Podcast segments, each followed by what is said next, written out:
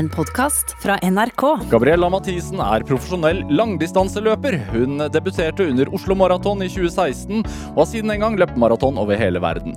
Livet for Gabriella var tidlig preget av omsorgssvikt, rus og prostitusjon.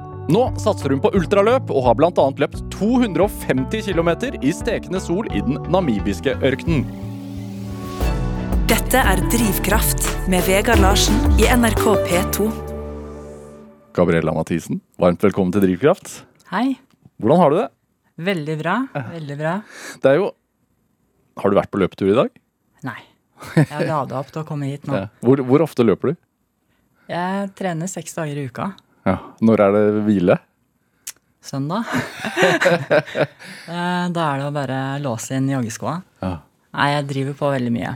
Hva, hva, har du en fast rute som du løper hjemme, eller? Ja, jeg har noen ruter som jeg løper som jeg liksom eh, utfordrer meg sjøl og jeg løper på en måte etter pulssoner og sånn. Hva, hva er å løpe etter pulssoner for, for oss som ikke løper? Eller? Variere hjertetrening. Sone ja. én, det er på en måte rolige langturer. Og så sone tre, da skal du på en måte peise på litt. Og så er det på en måte den treninga som skjer imellom der, på en måte, som du liksom trener hjertet, da.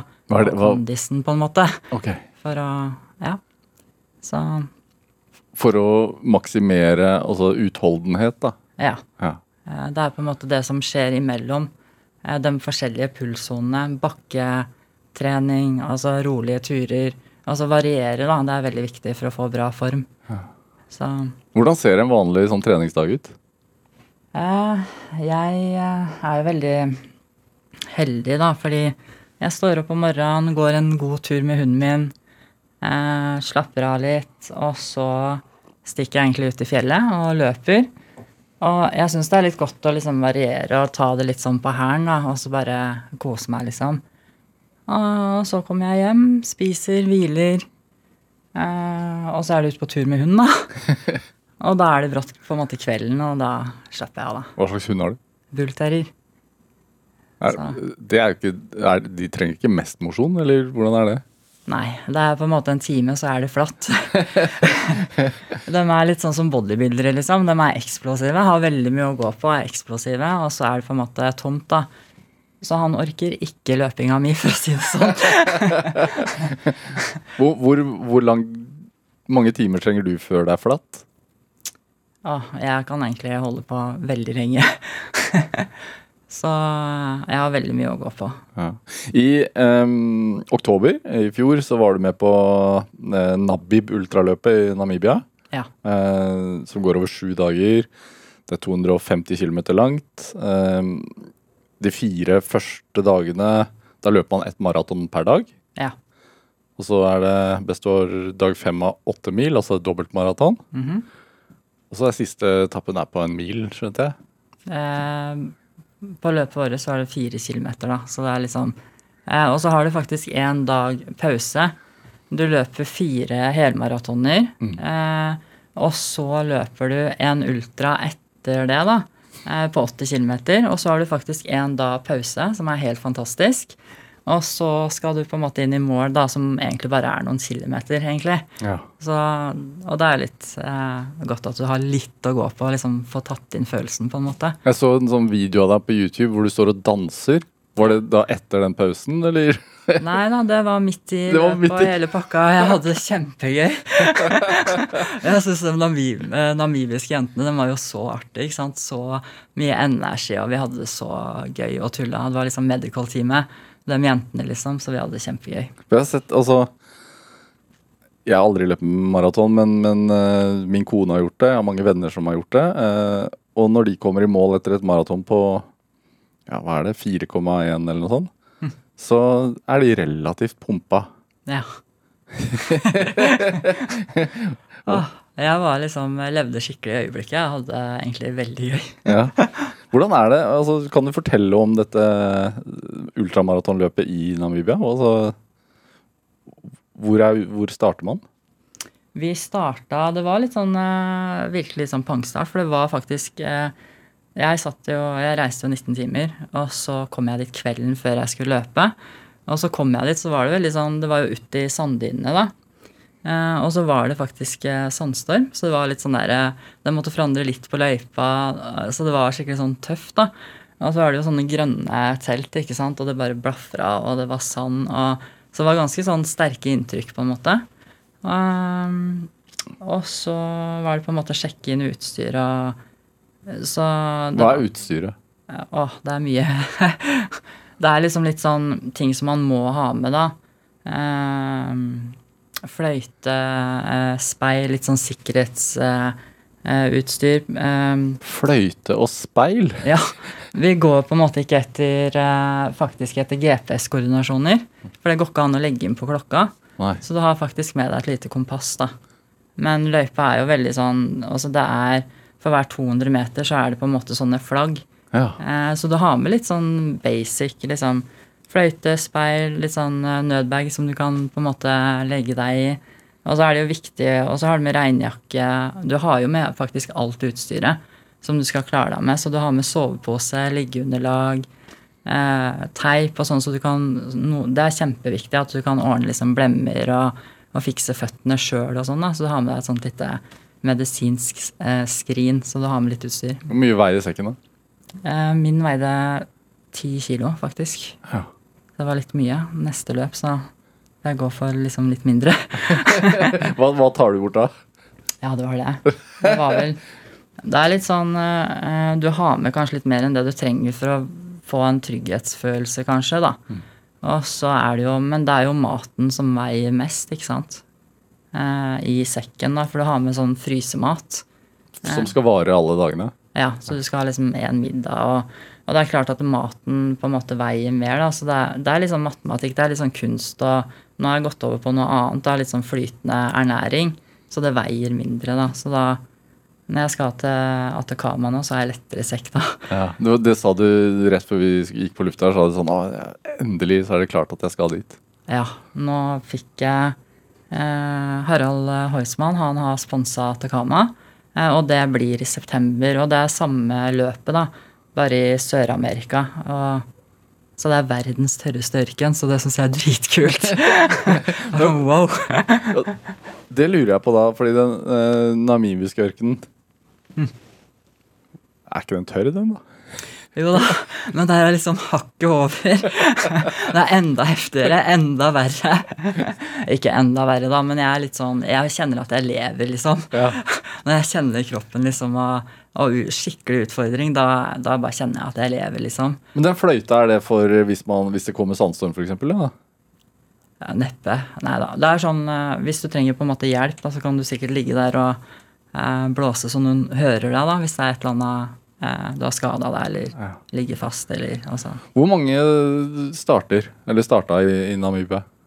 Eh, hvor mange var vi? Jeg tror vi var 50 eller noe sånt. Ja. Det er sært. Det er ikke, ikke så mange som driver med dette. Nei. Og hvordan er stemningen da? Altså, starter man, Jeg stiller mange dumme spørsmål altså, men starter Nei. man på likt? Ja, Ja.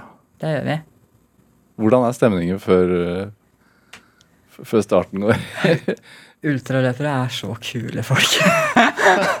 jeg hadde det så gøy. Det var liksom eh, Det er topp stemning, liksom. Alle er liksom skikkelig sånn eh, pumpa og liksom glade og ler og Ultraløpere det er egentlig veldig glade folk, egentlig. Veldig sånn positive Så det er liksom Men det er klart at eh, vi vi alle kjenner jo på det, liksom. Det var sånn eh, Du har på en måte et, et par mål, blant annet å ikke dø, liksom.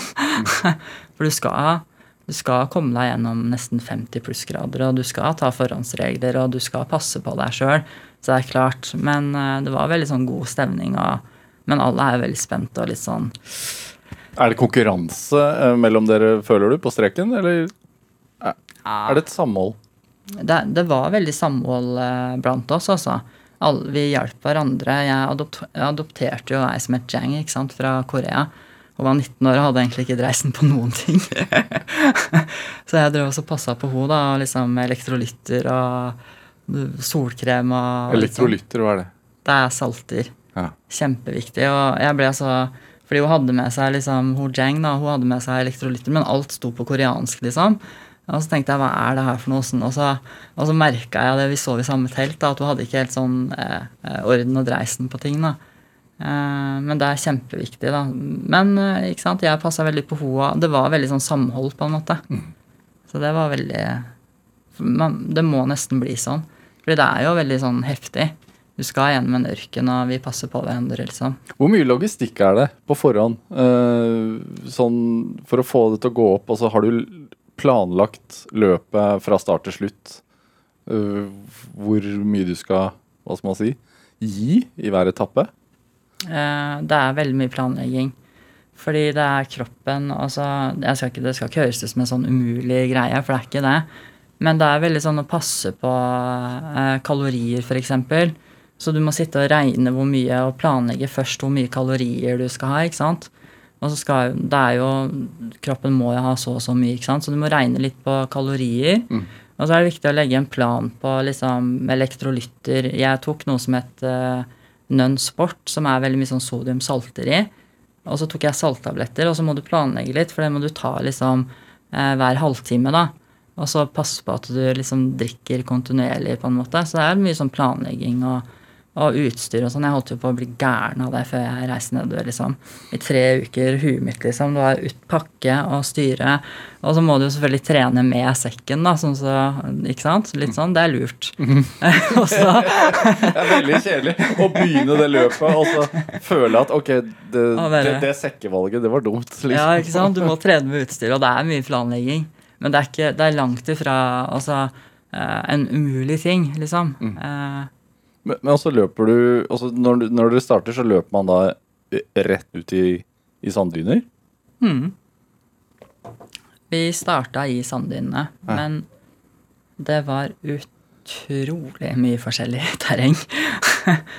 rett og slett. Ta meg gjennom det. Ah, det var granittfjell. Det var greit at vi skulle over granittfjell, men jeg fikk en litt sånn ny opplevelse, på en måte. da. For det, det er jo sand overalt.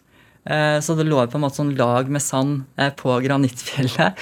Så det var litt sånn når du skulle opp ble litt sånn klatring, og det var opp og ned og sånn, så det var ganske sånn heftig. Ja. Og så plutselig flata det ut, og så var det bare sand, og så var det eh, Plutselig var det bare et hav av sånn granittfjell, ikke sant.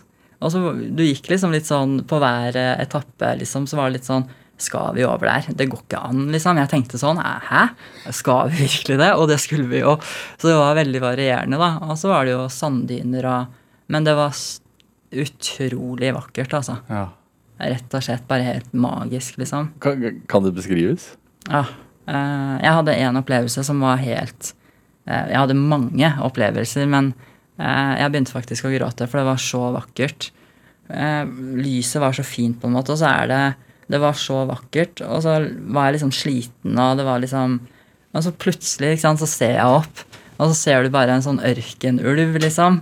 Som kommer bare sånn, og så elegant, og så var den så vakker. Og så bare gikk liksom sånn på sida langs det fjellet, på en måte, da. Og så så han rett på meg, og det var så vakkert. Og da var jeg egentlig litt sånn åh, men da fikk jeg liksom mye energi, da. Bare sånn, og det var veldig sånn, Jeg syns det var sterkt. Og det var så vakkert, liksom. Når får man oppleve det? Liksom en ørkenulv som går forbi der, liksom. Og da fikk jeg mye energi igjen. Så. Dette er Drivkraft med Vegard Larsen i NRK P2. Og i dag er langdistanseløper Gabriella Mathisen her hos meg i Drivkraft på NRK P2. Er det Altså for du, Når du løper da i Namibia, eh, ultramaraton der, så er jo det en en natur som ikke du er vant til i det hele tatt. Ja, absolutt. Og, du er vant til å løpe i norsk fjell, for, altså det er der du trener. Mm -hmm. eh, hva er den største forskjellen på å løpe i sand og, og løpe på norsk eh, mark? Eh, for å si det sånn, eh, det suger energien ut av deg.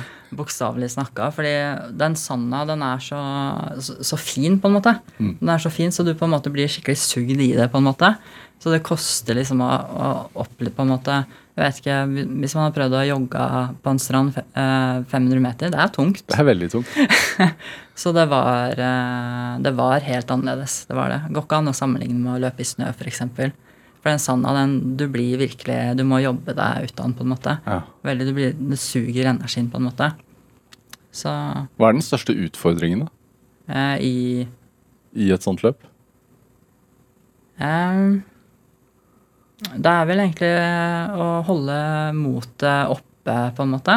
Du får veldig mye negative Jeg var veldig sånn, For jeg hadde bestemt meg for at jeg skulle gjennomføre, men du får veldig mye sånn negative tanker, og du blir veldig, veldig sliten. Når er det de begynner å melde seg? Eh, Jeg kjente det godt på dag tre.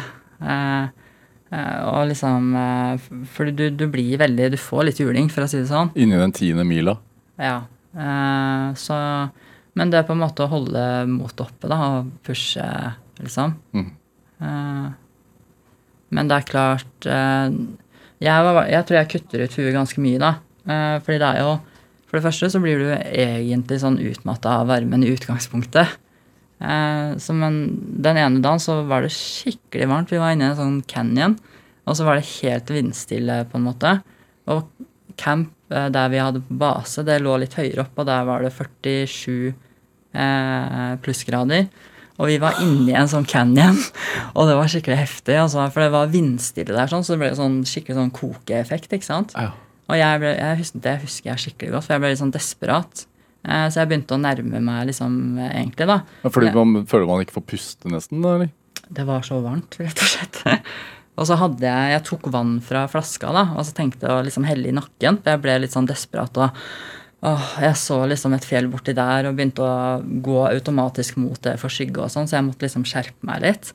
Men tok det vannet og helte i nakken. Og så var det bare Herregud, det her er jo sånn varmt vann i springen, liksom. Og så var det sånn bare Herregud, kroppen min, liksom. Det her går bra. Bra. Men det var skikkelig det var akkurat som varmt vann fra springen, liksom. Hvor, var sånn, hvor aleine er man da der? Du, det som er litt fascinerende, er jo faktisk at det er veldig store opprom mellom oss, liksom. Så du går veldig mye al- og går, løper, du er veldig mye alene, da. Så det er litt sånn eh, spesielt. Ja. Det blir litt opprom, eh, ble veldig opprom mellom oss. Selv om jeg prøvde veldig hardt å eh, ta tredjeplassen til hun Beth fra USA. ja. Du tok fjerde, da. Jeg tok fjerde, men hun, eh, jeg ble litt stuck i fjellet, faktisk. Så da kom hun forbi meg og eh, snapsa han, holdt jeg på å si. Ja.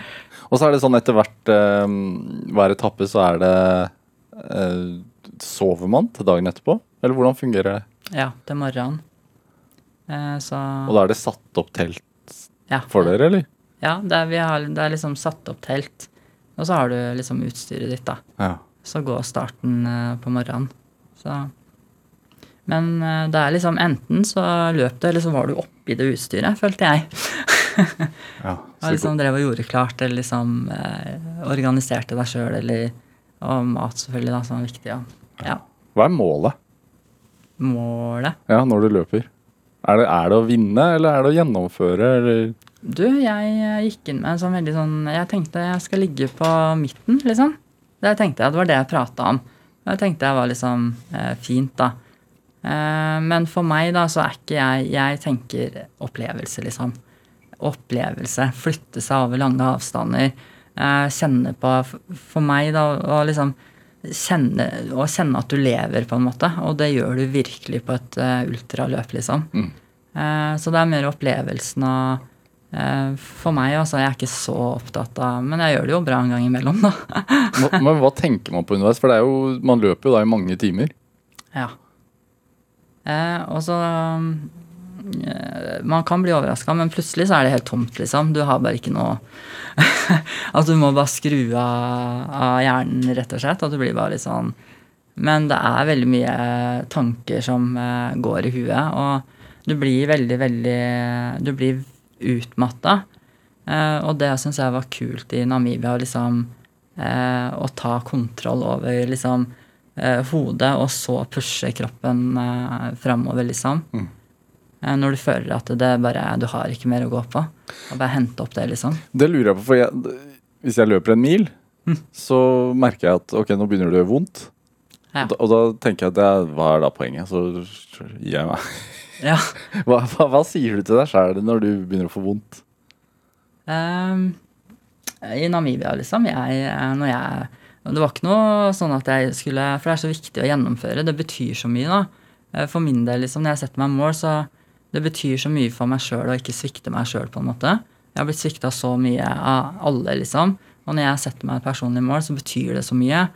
Men eh, det var jo også Jeg begynte å grine og gråte og liksom Du må hente opp noe ekstra, liksom. gråte litt, og så ja, fortsette videre, da. Ja. Er du hard mot deg selv, da? Nei, altså Før så var jeg nok litt mer, men eh, jeg har blitt litt mer sånn Nå, ja, jeg gråter og ja, fortsetter videre. Ja, Walter, Walter sjæl, sier Ja. Du, eh, du mangler jo høyre arm.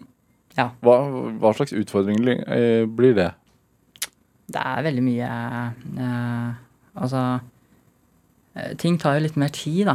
Det er helt sikkert. fordi når du mangler en arm, så er det eh, sånne ting som alle andre på en måte gjør, som er helt vanlig med to hender. Det må jeg gjøre med én hånd, og det tar liksom litt lengre tid. Mm. Og så må du finne opp kanskje en sånn litt annen måte å gjøre det på. sånn, Så det, tar litt, det er litt mer sånn plunder og heft, på en måte. Hva med løpingen? Jeg får litt mer juling på venstresida, tror jeg. I og med at det er eh, Det blir jo litt sånn vektforskjell, da, vet du. Ja. Og det er jo ikke helt Så det blir sikkert litt feil litt sånn belastninger her og der, men jeg, Altså, altså det går utover venstre hofte og venstre ben, rett og jeg, slett? jeg får nok litt mer juling eh, på den, liksom. Eh, Men jeg bryr meg ikke så om. Er det Altså eh, Du løp jo da Namibia 250 km i, oktober i fjor. Det er ikke så lenge siden du begynte med langdistanseløp? Nei, ikke i den eh, eh, Også ekstremløp, nei. Ikke i maratonsammenheng heller. Altså det, er jo sånn, det er ikke mange mange år siden. Det er seks år, Ja. kanskje. Seks år. Hva er det som Når var det du merka at liksom løping er det, det trigger? Du, det er veldig eh, Jeg begynte jo å løpe, for jeg hadde jo eh, ja, posttraumatisk stress og sånne ting. da. Jeg var veldig sånn der eh, For det første så var jeg helt sånn egentlig litt sånn rabiat, liksom. Jeg hadde så mye også, eh, følelser og mye som var ubehandla. Jeg hadde så mye sorg i meg, på en måte. Og så fant jeg ikke noe ventil på en måte noen plass. da. Og så begynte jeg å løpe liksom, og kjente bare åh, jeg liksom får ut Jeg var sånn, jeg kunne løpe ut i regnet, ikke sant. Jeg gråt, fikk ut ting. Jeg kan, kunne ha veldig mye sånn sinne og bare eh, peisa på løp, da. Og liksom på en måte, det var litt sånn avreagering. Mm. Eh, så det var veldig sånn derre eh, medi- eh, hva, skal jeg si det? Veldig sånn eh, Terapeutisk? terapeutisk, liksom, eh, for meg. Eh, og så begynte jeg jo eh, å så selvfølgelig bli friskere og friskere og mer og mer sammensatt, mer hel. Eh, sår hadde på en måte i hjertet, holdt jeg på å si. Jeg hadde grodd, og så ble det på en måte at det bare passa meg helt perfekt. på en måte. Mm. jeg bare begynte å like det enda mer, og kroppen eh, kunne utfordre meg sjøl mer. Og så er jeg på en måte Jeg er jo sånn litt sånn eventyrer, da. Og det på en måte Den komboen som jeg får nå, da, eh, det er jo både det å få dra på eventyr, oppleve liksom verden som jeg bare elsker, liksom. Eh, Jeg elsker å oppleve nye ting, og så er jeg kjempenysgjerrig på alt, liksom. Jeg vil oppleve mye, liksom. Og det å kunne bruke kroppen og liksom Det er Kinderegg. jeg får liksom levd ut meg sjøl, da. Ja. Både reist og liksom få ut For jeg har veldig mye kraft i meg. Eh, Jeg er veldig sånn sterk. eh, Å få det liksom ut, på en måte. Er sånn, ja, jeg elsker det. Hvor kommer den kraften fra? Ja, si det. Jeg gir meg ikke, liksom. Eh, Når jeg bestemmer meg for noe, så eh, Jeg tror det betyr så mye, og så Men jeg tror eh, jeg vokste opp så urettferdig, da.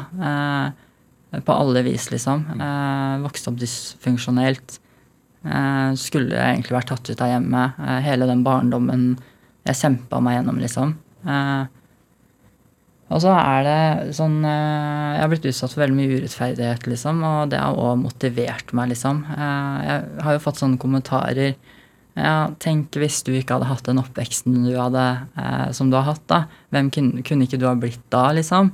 Og så har jeg tenkt sånn, hvem kunne jeg ha blitt da? Jeg skal bli best, liksom. Jeg skal få alle drømmene mine i oppfyllelse, liksom. Ja. Jeg skal bli bedre. Så jeg blir veldig sånn, ja, i, i så mye motstand jeg har hatt, så har jeg òg blitt veldig sånn motivert, da. Nei, jeg skal vise dere, liksom. Eh, så ja, ja. Og så er jeg veldig sta. Er det en god egenskap når man løper lang distanse? Ja, Ja. ja. Hvorfor det? Men man må nesten ta litt forhåndsregler på det òg, holdt jeg på å si. Jeg er litt som en terrier, liksom. Jeg gir meg ikke, så jeg må faktisk ha det i bakhuet at eh, husk på å bremse deg sjøl, liksom. Nå må du roe deg, Gabriella. Ja, Heller den. den. Ja. Du må liksom Du skal ikke, du skal ikke stupe, altså stupe om, liksom. Du må ta litt forhåndsregler der òg. Altså, altså langdistansemiljøet, altså ultramaratonløpmiljøet, er ikke så veldig stort. Nei. Hvor, hvor, mange er det som holder på med dette i Norge? Veit du det? Altså, jeg er ikke sånn eh, Vi har jo ikke så mange ekstremløpere i eh, Norge. Det er vel han Det er Frode Lein, og så er det Sondre Amdal Ja. løper? Ja. Eh, så, det er ikke sånn Men det er jo selvfølgelig ultraløping. Men jeg tror ekstremsport, sånn å virkelig reise ut eh, i verden Jeg tror ikke det er så stort miljø Nei. eh, i Norge. Er det blir, blir man liksom en familie? Ja, altså I hvert fall sånn på løp og Vi er veldig sånn eh, at man hjelper hverandre, altså, på en måte. Når du går over målstreken, hva tenker du da? Ah, jeg var eh, Jeg begynte skikkelig å gråte. det var veldig sterkt. Du vet at det, det er på en måte Det er en Det er liksom Det er sånn opplevelse som forandrer deg, på en måte. Det er det. Du får noe For det er så liksom eh, heftig målet, da. Det gjør noe med deg, liksom. Eh, etter jeg var i Namibia nå, nå tviler jeg ikke på at det, altså, eh, ting er, altså, alt er mulig, liksom. det gjør noe med deg. Det er mye følelser. Det er det. Altså, når man sier at alt er mulig, er det Tenker du at det er det for alle? Ja. Jeg gjør det. Ja. Men, Men jeg tenker sånn at eh, altså vi alle mennesker vi har jo fjell vi må overkomme på en måte i livet vårt. Mm. Og det er ikke sånn at eh, man eh, må løpe 250 km gjennom en ørken. Men også man kan også gå inn på T-banen. Man kan ha liksom angst for det, da. Men det er på en måte, jeg tenker at oss mennesker på en måte, vi må overkomme på en måte fjellene våre. Da, det som betyr noe for oss, liksom. Og, og tørre å gå for det, da. Og overkomme ting, på en måte, i livet vårt. Uansett om det er ørken, eh, gå en fjelltur. Eh, og så, ja. Hva har vært dine største hinder, da? Og det har vært mye, fordi jeg måtte jo mm, Jeg vokste jo opp eh, i sånn getto, ikke sant? At man ikke har vært noe, passer ikke inn og eh, Og egentlig det å på en måte finne meg sjøl, at jeg er bra nok og at Og så er jeg ikke Jeg er ikke lik noen sånn, egentlig. Jeg er veldig sånn eh, Hva skal jeg si for noe? Eh, litt sånn spesiell og det å på en måte finne meg sjøl at det er greit, da, at jeg er annerledes, liksom. Og den reisa der sånn, og liksom akseptere det. Og ja, jeg er annerledes, og eh, Det har vært en sånn lang eh, prosess å være bra nok, da. Mm. Og at jeg fortjener den bra tinga som på, skjer i livet mitt òg. Så det har egentlig vært sånn følelsesmessig. Det har vært mer sånn fjell, eller i, ordentlig i mitt liv, da. Eh, Det har vært et større hinder enn å løpe 250 km. ja. For da jeg måtte liksom uh, Men jeg har absolutt gjort begge deler. Og, men altså, livet er jo liksom Virker som en lang prosess for oss alle. Ja. På så mange forskjellige vis. Men uh, jeg har kommet langt. Jeg har kommet langt. Gabriella Mathisen, vi skal høre litt musikk. Du har med en Brandy Carlisle-låt som heter The Story. Hva, hva er historien bak?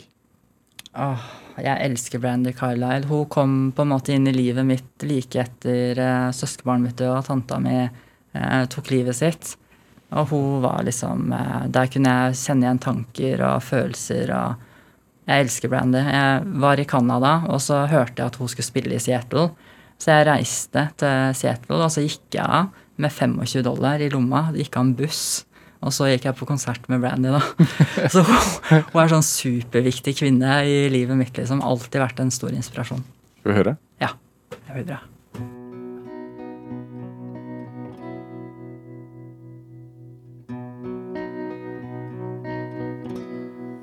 All of these lines across my face tell you the story of who I am. So many stories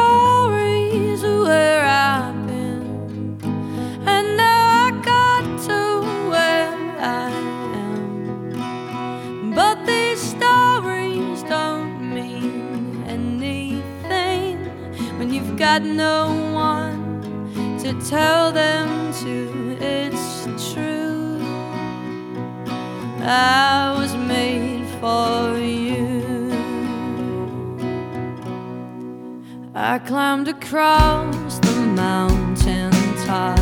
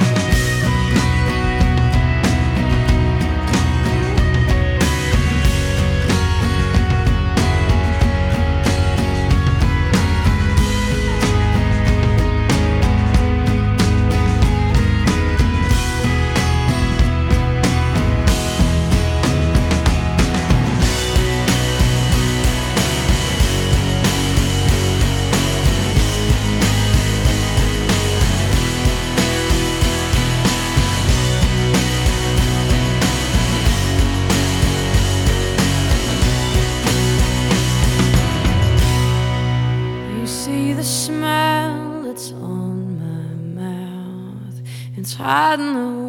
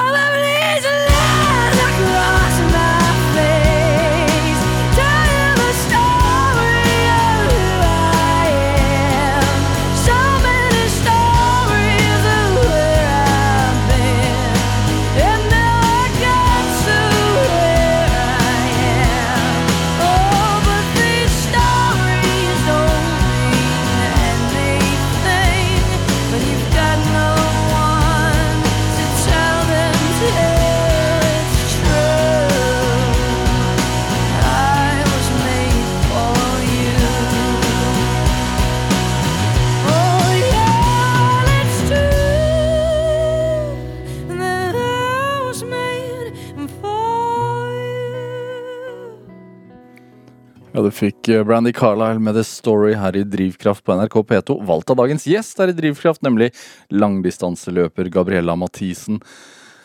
Gabriella, altså, man blir jo født og, og vokser opp med forskjellige utgangspunkt i livet. Hvordan var ditt utgangspunkt? Veldig, veldig, veldig dårlig.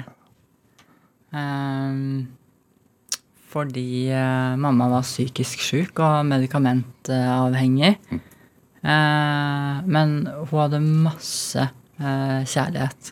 Men hun var syk, så hun klarte ikke å ta vare på meg. Eh, og faren min han var alkoholiker og voldelig.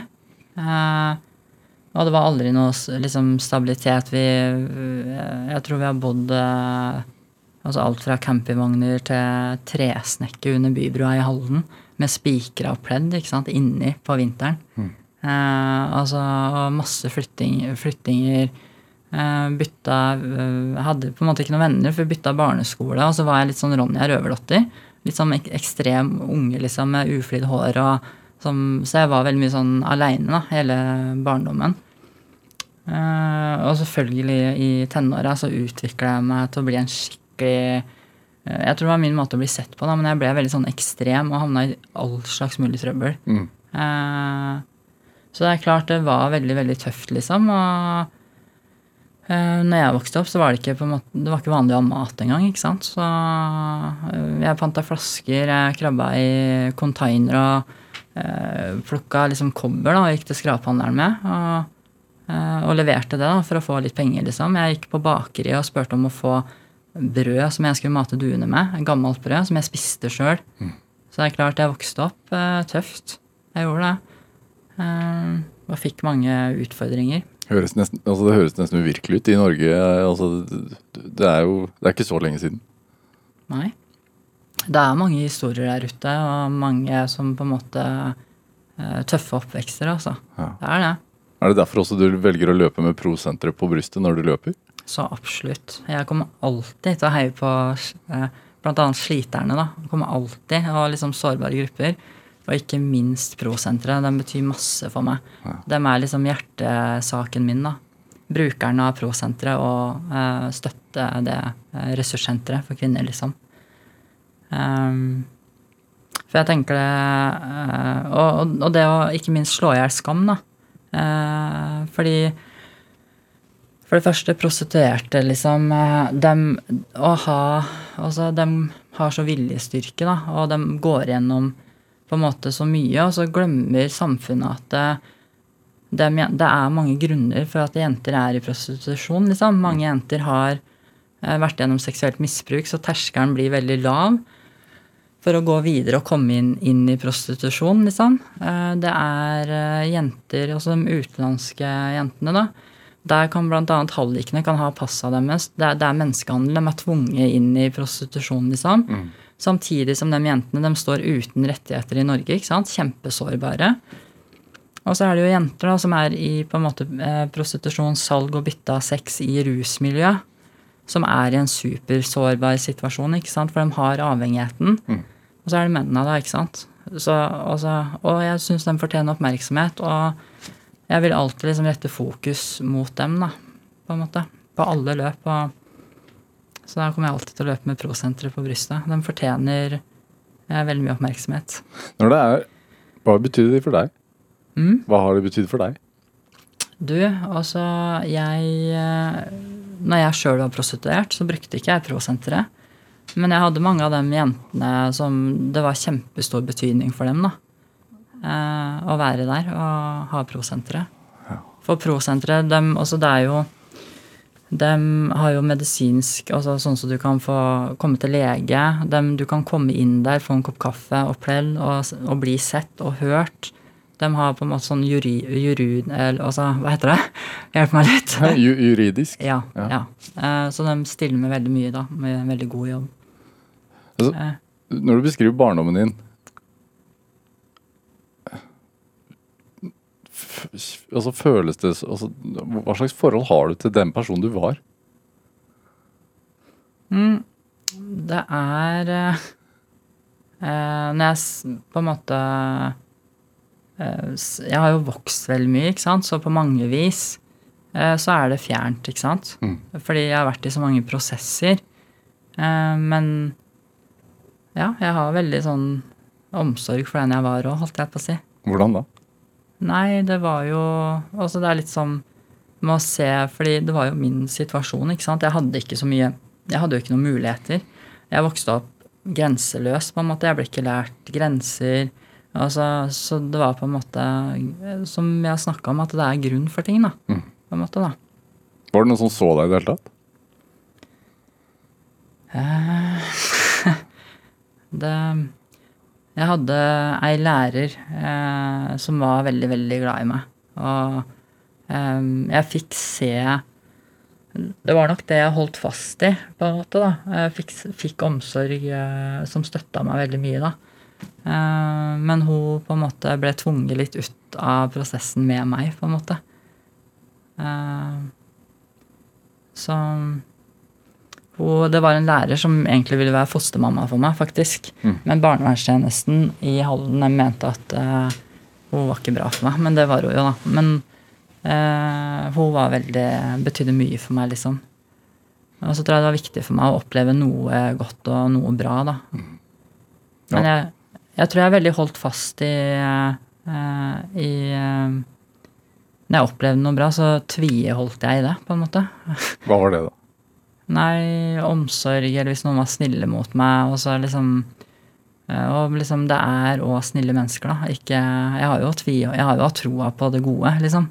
Og kjærlighet inni meg. Hvis ikke så hadde jeg sikkert blitt Jeg vet ikke. Jeg har liksom tviholdt på det som har vært på en måte fint da, og bra, Ja. liksom. Hva er hemmeligheten med å klare det? Eh, å være overbevist om at du òg liksom fortjener livet, på en måte. Eh, jeg sa til meg sjøl at eh, For det var eh, Det var så heftig, liksom. Jeg, jeg ville ikke leve mer. så, men jeg sa til meg sjøl liksom, at det, det livet her sånn Du fortjener ikke det her sånn, liksom. Å ha det sånn. Det fortjener ikke du. Du fortjener noe annet. Altså, jeg vet det er ikke lov å banne på radioen, men jeg var sånn herre Det livet her sånn skal F ikke få liksom ta livet mitt, da. Liksom. Jeg fortjener livet, liksom. Så jeg sa det til meg sjøl og var liksom overbevist om det. Og så tok på en måte det, de smellene jeg fikk, på en måte, da. Det er sånn, jeg er kanskje naiv, men jeg har liksom en sånn tanke om at når barn vokser opp i den virkeligheten, så vi, har vi sånn, en sånn samfunnsmodell som gjør at det blir liksom tatt tak i og rydda opp, og man blir tatt vare på. Ja, det er naivt. Ja. det er det. Fordi det er eh, Det er mye som går liksom husa forbi, altså. Det er mange oppvekster, og eh, jeg er jo veldig glad i mennesker med, på, som har hatt utfordringer, og heier alltid på sliterne, liksom. Og jeg har hørt så, så, så mange historier, liksom. Og jeg har møtt så mange mennesker ute i verden nå, liksom. Så det er ikke alt som blir fanga opp. Hva var det som gjorde at du begynte å ruse deg? Jeg ble eksponert for det veldig tidlig, liksom. Det var eh, Det var på en måte hjemme. Det var liksom eh, rus overalt, holdt jeg på å si. Så det Akkurat som på en måte andre eh, lærer seg andre ting. Jeg vet ikke Og så, så var det normalt for meg, da. Rus, liksom. For det var sånn hjemme, liksom. Eh, og det er jeg veldig stolt av, sånn når jeg tok det valget å bryte ut av rusen òg. Fordi jeg var litt sånn eh, tøff med meg sjøl, fordi jeg tenkte sånn at eh, ok, du er ikke 13 lenger, du er ikke 14, liksom. Du er ikke hjemme. Du, du, kan, du kan velge noe annet. Og jeg måtte òg ta meg sjøl i at eh, du kan ikke leve på den oppveksten, liksom. At ok, du har hatt det så fælt, så ja, da får du bare ruse deg og fortsette med det. Tillot ikke deg selv å synes synd på deg selv? liksom? Nei, ikke når jeg tok det valget, og, eller jo, men når jeg tok det valget og skulle bli rusfri, så prøvde jeg å si til meg sjøl for å motivere meg sjøl liksom at eh, nå er du liksom over 20, liksom. Det her er ikke oppveksten din, liksom. Nå kan du, nå har du et valg til å gå ut av det, liksom. Det var sånne tanker og refleksjoner og liksom, om du komme deg ut av det, liksom. Ja. Så Var det én altså, Når du tar et sånt valg, som jo er en drastisk livsendring da, eh, til det positive, men som, som, samtidig som må være skummel, på en måte Det var veldig skummelt, for det var mange ting, egentlig. Eh, for det første så tanta mi som tok livet sitt. Eh, først døde søskenbarnet mitt av kreft, og jeg så åssen hun kjempa for livet. da. Eh, hun tapte jo kampen, ikke sant, eh, og døde. Og så eh, var det tanta mi, hun tok livet sitt fem dager etterpå. Men før hun tok livet sitt, da var jeg heronist, Så sier hun til meg, og så setter hun øya på meg, og så sier hun nå skal Anka dø. Det var kusina mi, ikke sant. Eh, Melissa, Thea og Kent Erik, liksom barna hennes, de skal miste mammaen sin, og jeg skal miste dattera mi. Uh, og så setter hun øya på meg, og så sier hun og du uh, bruker heroin. Du trenger ikke å dø. Lov meg det, at du slutter på heroin. Og da sa jeg til tanta mi ja, jeg lover deg det. Skal det. Eh, så det ble en sånn Det var en blanding av det. Jeg bytta navn, blant annet. Fordi jeg følte det at det var en sånn konkret ting du kunne gjøre. da, Selv om alt var støtgærent, så var det faktisk en ting du kunne gjøre som tydeliggjorde det. Så da bytta jeg navn. Som å starte på nytt, liksom. Starte på nytt. Det var liksom sånn statement, liksom. Så det var mange ting. Jeg hadde det løftet jeg skulle overholde. Men det er klart at jeg var en bombe av kaos. Jeg var kjempedårlig. Jeg var på psykiatrisk, han psykiateren jeg var innom der flere ganger. Han, eh, de sa til meg dine problemer har vært i mange mange år, vi kan ikke hjelpe deg her, liksom. Altså, det var heftig, altså. Men eh, jeg reiste til behandling, jeg var et år liksom på Veslia, uh, jobba på Modum Bad. Så jeg, jeg har jobba sånn konkret som, eh, for det, da. Det er mange ting. så Hvor mye viljestyrke må man ha? Altså, For du har jo da fryktelig mye viljestyrke. ja. Det er jo det, Men den styrken, altså, det bare er, er i det? Eh, Ja. Eh, og så det er, eh, det er den lysta til å leve, da. Den lysta til å oppleve ting, liksom. Og den nysgjerrigheten. Jeg tror jeg har den i bånn. Altså all den urettferdigheten, liksom. At jeg òg fortjener livet, liksom. Og så vil jeg gjøre dette til eventyr, da. Har du vært mye sint? Jeg, ja. Jeg var, og når jeg, prosessen eh, Når jeg starta med meg sjøl Jeg var så sinna på alle og hele verden. Jeg var som en sånn ja, terrier. Bullterrier. Bullterrier. Ja. De er, snille, de er snille, da. De er veldig snille. Han, er, eh, han heter Lillemann. Bullterrieren min, da. Han er veldig snill type. Er det Altså Klarer man å stole på folk? Ja, altså det er jo en prosess, da. Ja. Det er virkelig en prosess. Eh, Jeg har jo den mistilliten eh, Det er faktisk noe jeg jobber med, for det er eh, Men det må jeg si til meg sjøl. Jeg er veldig fæl til å liksom sånn At ting ikke går bra. Hvis, hvis jeg sjøl på en måte gjør ting, da er det greit, for det styrer jeg, på en måte. Det stoler jeg på.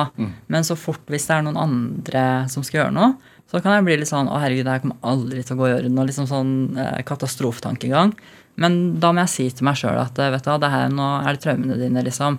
Og så må jeg prøve å jobbe med det at nei, men nå har de sagt det, og da gjør de det, på en måte. Det, man, man må, jeg har jo liksom noen sår og noen arr da, som jeg må jobbe litt med. eh, som jeg jobber med ennå. Var det, det, det å være rusavhengig, er det Hvor avhengig var du? Jeg var avhengig. Ja. Jeg var det. Det var ingenting som Men samtidig så følte jeg at det var spirituelt sjølmord. Men eh, sånn som jeg ser på min rusavhengighet, så var det en overlevelsesmekanisme. For jeg hadde så Jeg var egentlig veldig psykisk sjuk av traumene, oppveksten min, alt.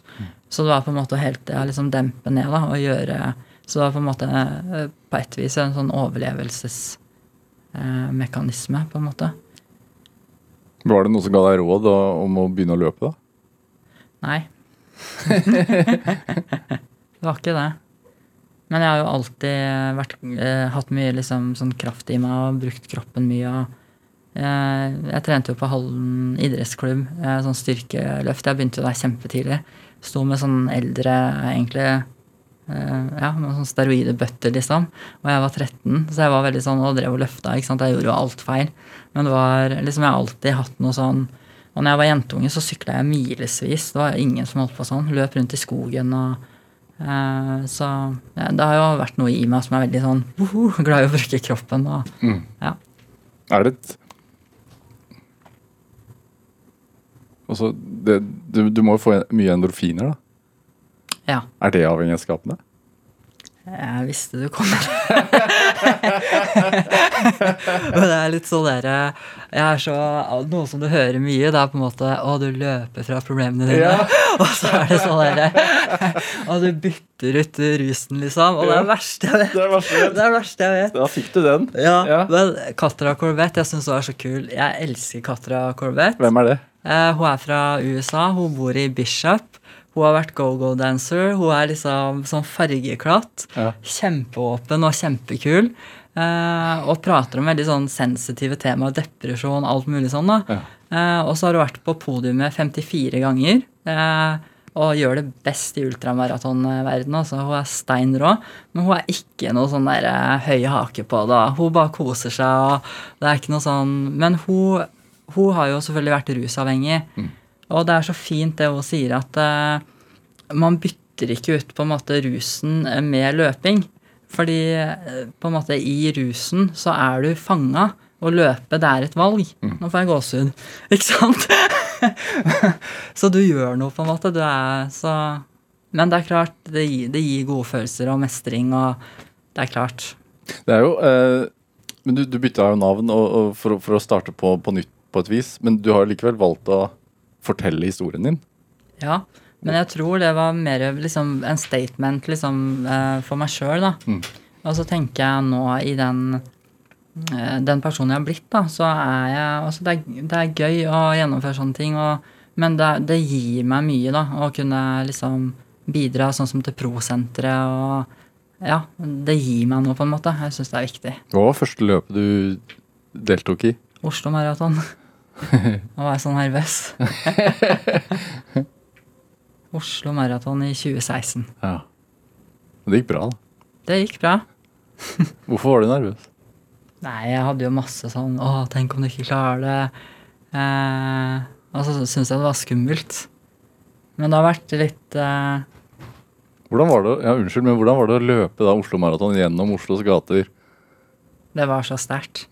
Eh, fordi jeg hadde jo eh, Oslo var heftig for meg. Også det var der jeg eh, Ikke sant? Det var, jeg var jo prostituert, og først så var det på en måte flashy og fint og hotellrom og ikke sant. Og så endte jeg opp bak i Festningsparken, på en måte. Eh, eh, veide 40 kilo og så ut nesten som et lik og masse historie der, altså. Og så kom jeg liksom eh, gjennom eh, bak Festningsparken. Løypa gikk jo gjennom der. Horeparken, liksom det området, da.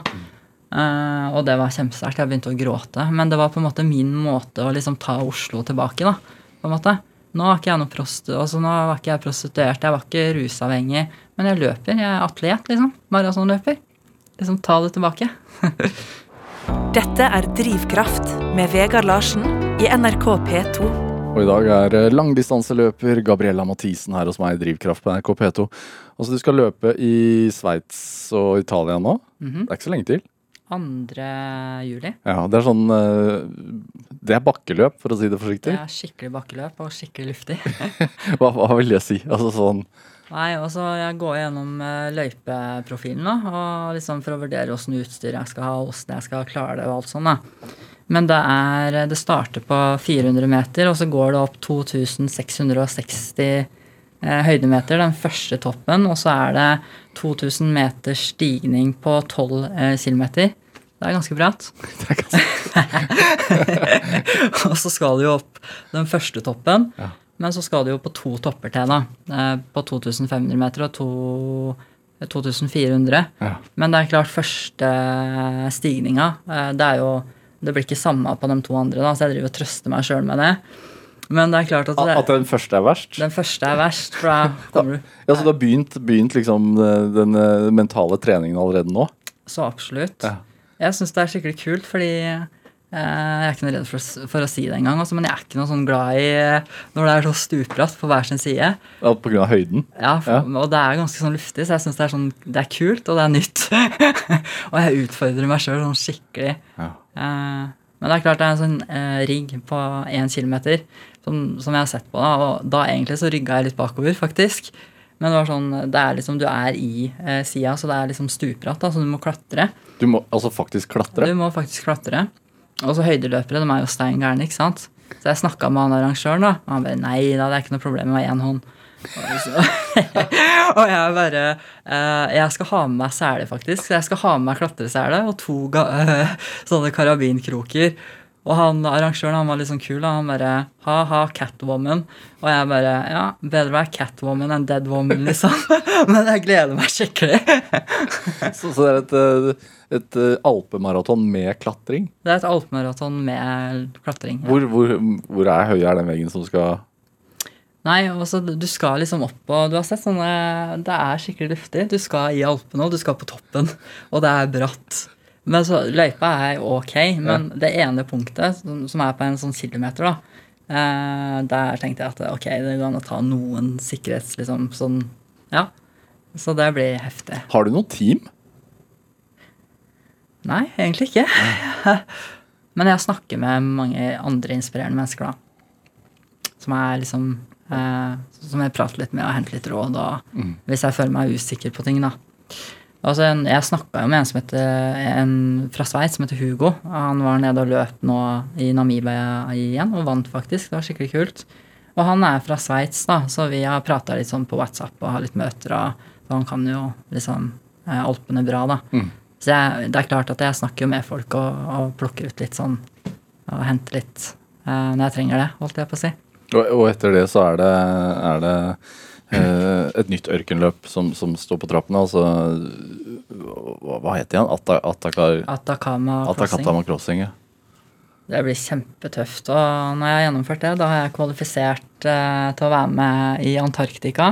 Antarktika har vært i huet mitt i flere år, liksom. Så det er, det er største drømmen det er å få løpe i Antarktika. Så nå går jeg mot det. Ja, hvorfor er det en drøm? Jeg vet ikke. Jeg er bare helt besatt av Antarktika, liksom.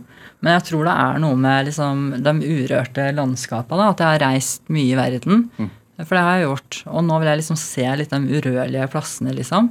Og så er det liksom det med is, åpne landskap. Det er liksom sånn urørt eh, på en måte sted, da. Hvor mye får man Tar man naturen innover seg når man løper? Jeg gjorde det veldig mye, eh, faktisk. I, eh, når jeg var eh, i Namibia nå, så løp jeg faktisk ikke med musikk. For jeg tenkte ok, nå, nå er du i en ørken, liksom. Nå må- du prøve å ta det inn, liksom, på en måte.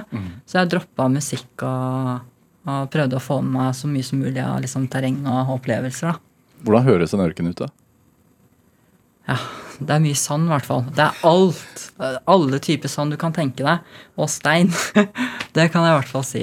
Eh, nei, det var et godt spørsmål, egentlig. Er det stille? Ja, Sånn Det kommer litt sånn an på vind og eh, Ja, vind og sånn, da. Du hører vind, liksom. Gabriella Mathisen, hva tenker du er, er drivkraften? Jeg tenker den livet, jeg, altså. Rett og slett livet, liksom. Jeg ser på livet som en sånn super altså At det er supermystisk, liksom. Og jeg er sånn overbevist om at vi har liksom livet én gang, da. Og så, sitter det så hardt i meg på en måte det at eh, døden husker ikke livet, liksom. Lev livet, liksom. Og nå får jeg liksom gåsehud igjen, men det er på en måte Opplev så mye du kan, liksom. Lev livet. Utfordre liksom deg sjøl, da. Gjør ting, liksom. Opplev verden, liksom. Så det er på en måte eh, Ja. At døden husker liksom ikke livet. Lev livet. Det er en gave, liksom. Tusen takk for at Kjenn du, på det. Gabriella Mathisen, tusen takk for at du kom til Drivkraft. Å, tusen takk. Det var veldig hyggelig å være her. Veldig hyggelig å ha deg her. Hør eh, flere samtaler i Drivkraft på nrk.no eller i appen NRK Radio. Produsent i dag var Ellen Foss Sørensen, og Julia Martincic gjorde research. Dette var Drivkraft. Jeg heter Vegard Larsen. Vi høres. En podkast fra NRK. Her faller sakte, dråpe for dråpe, en dyrebar væske. Tungt vann. Under andre verdenskrig blir produksjonen av norsk tungtvann brått veldig viktig. Det er noe Nazi-Tyskland trenger for å kunne utvikle atomvåpen.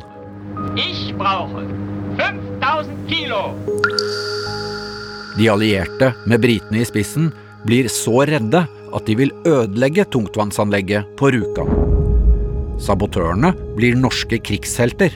For å være sikker på at ingen fanatisk tysker skulle ha en sjanse til å spolere vårt arbeid, bestemte vi oss for å kutte luntene ned til 30 sekunder. Men hva skjedde egentlig før, under og etter tungtvannsaksjonene for 80 år siden? Fremdeles lever det tidsvitner som opplevde død, alarmer og flybombing. Og så smalt det noe kolossalt, da. Og så jo alle flyene. Det var jo svart i denne trange dalen her. Så er det jo klart 170 svære amerikanske fly. De fylte jo hele luftrommet her. Tungtvannsaksjonene hører du først i appen NRK Radio.